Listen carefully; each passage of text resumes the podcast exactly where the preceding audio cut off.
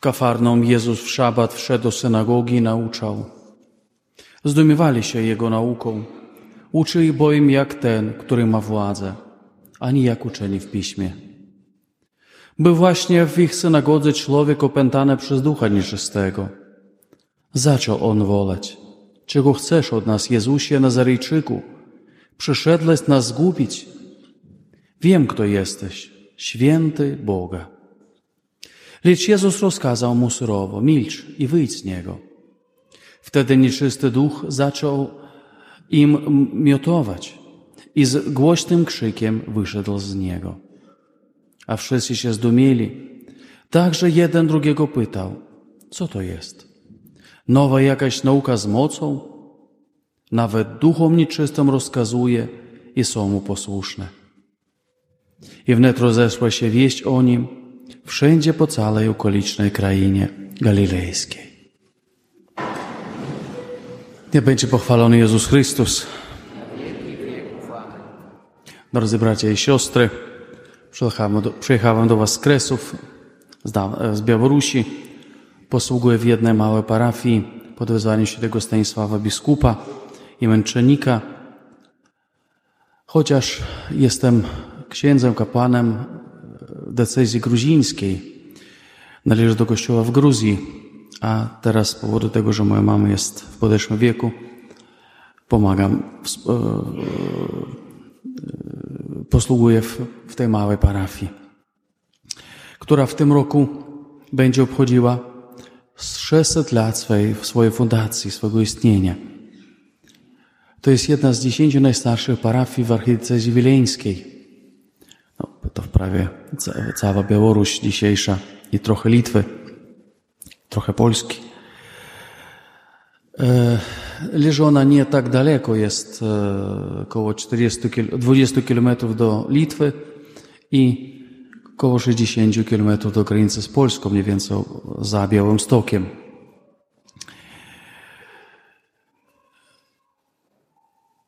Nie jest to duża parafia, jest około 400 parafian, no, trochę, trochę więcej.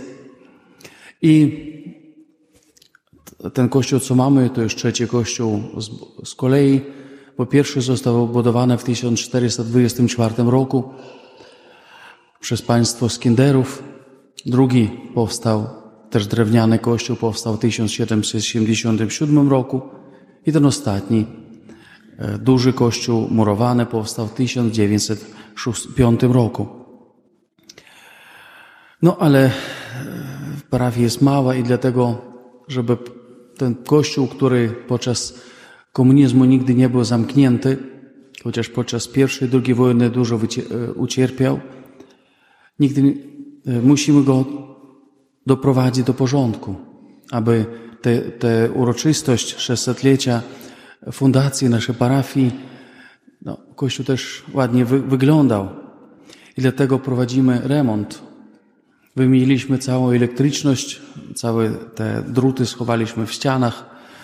Um, oczyściliśmy całe wszystkie mury od tynku, od tynków, od farby wapiennej,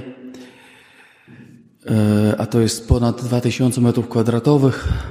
No i teraz czekamy na wiosnę, kiedy będzie już trochę cieplej bo my mamy trochę chłodniej niż tutaj i będziemy już kończyć malowanie i zostaną nam tylko do odnowienia trzy ołtarze. Główny i dwa boczne ołtarze drewniane. Ale niestety nas nie stać, bo większość jest oczywiście pochodzenia polskiego, ale wielu z nich jest już w wieku emerytalnym, dlatego no, trudno jest te remonty prowadzić. Dlatego będę prosił Was po mszy świętej i teraz, teraz również podczas mszy świętej o modlitwę za nas przede wszystkim, abyśmy mogli te prace, które się podjęli, ich prowadzić i skończyć tylko pomyślnie. Ale również gdybyś kto chciał, miał jako możliwość, po mszy święte też można by nie wesprzeć.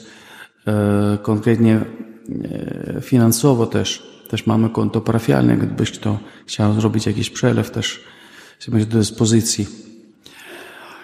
E, no jak już powiedziałem, że parafia nie jest duża, e, po trochę ponad 400 osób, na katechezę uczestniczy tylko 30 e, dzieci i nastolatków, bo większość młodzieży, młode rodziny wyjeżdżają do innych miast, zostawiają te miejsca rodzinne, bo tam mają pracę. Jak Państwo też na pewno pamiętają, no mamy jeszcze do dzisiaj PGR-y, w których no też nieduży się zarobi, dlatego no, mamy bardzo, bardzo mało młodych. Ale są ludzie, którzy wierzą, którzy przychodzą na piechotę, zwłaszcza w lecie, czy rowerem, nie, nie zważając na ten swój wiek, aby uczestniczyć w niedzielnym mszy świętej bo najbliższa wioska, z której przychodzą, to jest około 3 kilometrów, a najdalsza jest ponad około 15 kilometrów. Jeżeli nie ma na przykład już samochodu, no to wtedy w zimie e, bardzo trudno się dostać do, do, do kościoła na mszę święto niedzielną, czy uroczysta, jakąś uroczystość. I dlatego e, z góry Bóg zapłać Wam wszystkim za Waszą pomoc, za Wasze wsparcie modlitewne i nie tylko. No, trochę ciekawostek. W parafii obok, w parafii Wasiliszek, w Wasiliszkie urodził się Czesław Niemen, słynny polski piosenkarz. Z drugiej strony od, naszej, od mojej parafii, parafii Kamionka, e, urodziła się i została ochrzczona Eliza Urzeszkowa, Trochę dalej, w 150 kilometrów pod Nowogródkiem urodził się Adam Mickiewicz, Ignacy Domijko. No to mamy wiele powiązań z Polską i wiele parafian do dzisiaj się czuje też Polakami. Chociaż już więcej używamy języka e, miejscowego, powiedzmy takie mieszaniny rosyjskiego, polskiego i białoruskiego. Dzisiejsze pierwsze czytanie, które słyszeliśmy z Księgi Powtórzonego Prawa, mówi o prośbie narodu izraelskiego, aby Bóg postawił im proroka, a nie przemawiał do nich osobiście, bo się bały umrzeć, widząc moc Bożą. Słysząc głos Boży, musiały go słuchać, bo się bały. Czytamy. Niech więcej nie słucham głosu Pana, Boga mojego i niech już nie widzę tego wielkiego ognia, abym nie umarł. I Pan daje im proroków. Wielu. Takich jak Samuel, Natan, Eliasz, aż do największego proroka, swojego syna, przez którego zwraca się do narodu wybranego.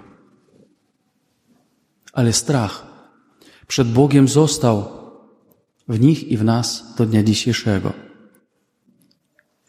I dlatego my też się boimy, boimy Boga, chociaż troszeczkę z innego punktu widzenia.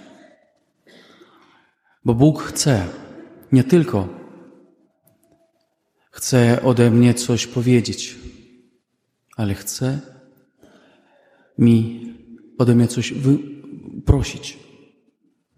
Stawia dla mnie jakieś wymagania i boimy się tego. Jak ten Pan opętany dzisiejszy Ewangelii, który mówi, czego chcesz od nas, Jezusie, Nazarejczyku? Przyszedłeś nas zgubić?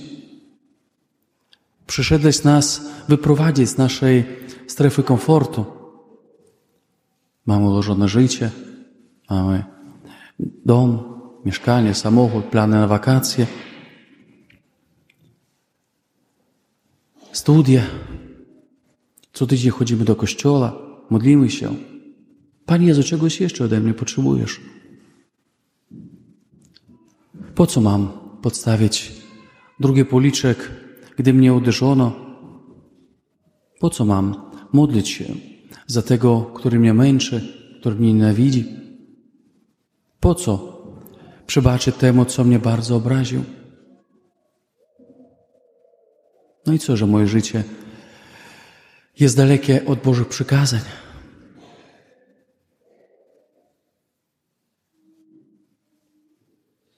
No i co z tego, że ja codziennie przez swój grzech łamię Boże nakazy?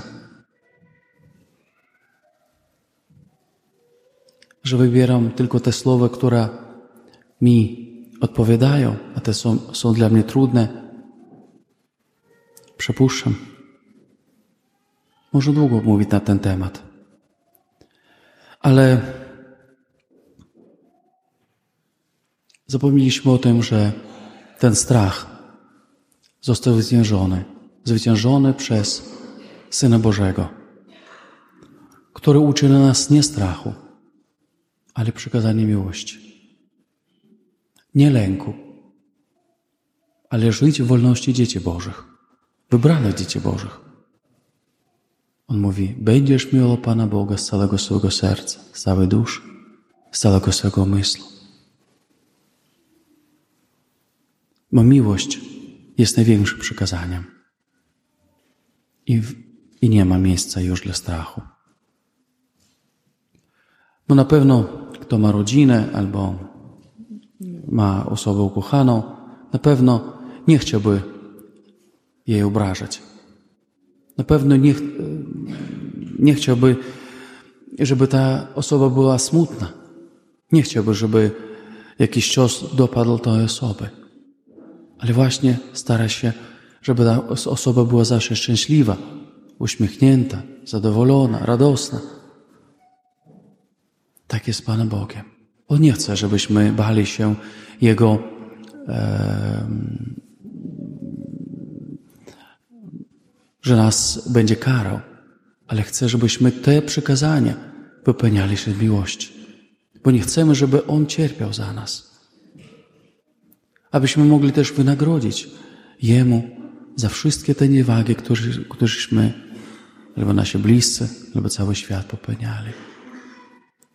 Właśnie nie pamiętam, ktoś mówił, że Pan Bóg będzie sądził świat nie z tego, co zrobili, ale z tego, na ile my umiłowaliśmy Jego.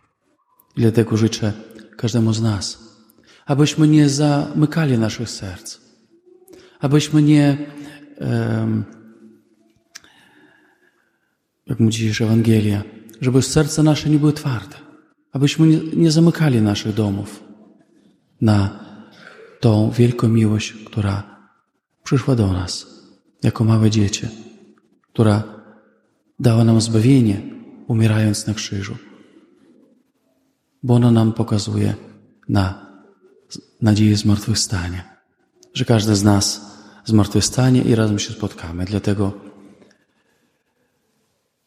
starajmy się codziennym naszym życiu nie bać się codziennego krzyża, nie bać się postawić drugi policzek, nie bać się modlić się za innych kiedy oni tego potrzebują, abyśmy mogli stać rzeczywiście prawdziwymi dziećmi Bożymi. Amen. Bóg zapłać.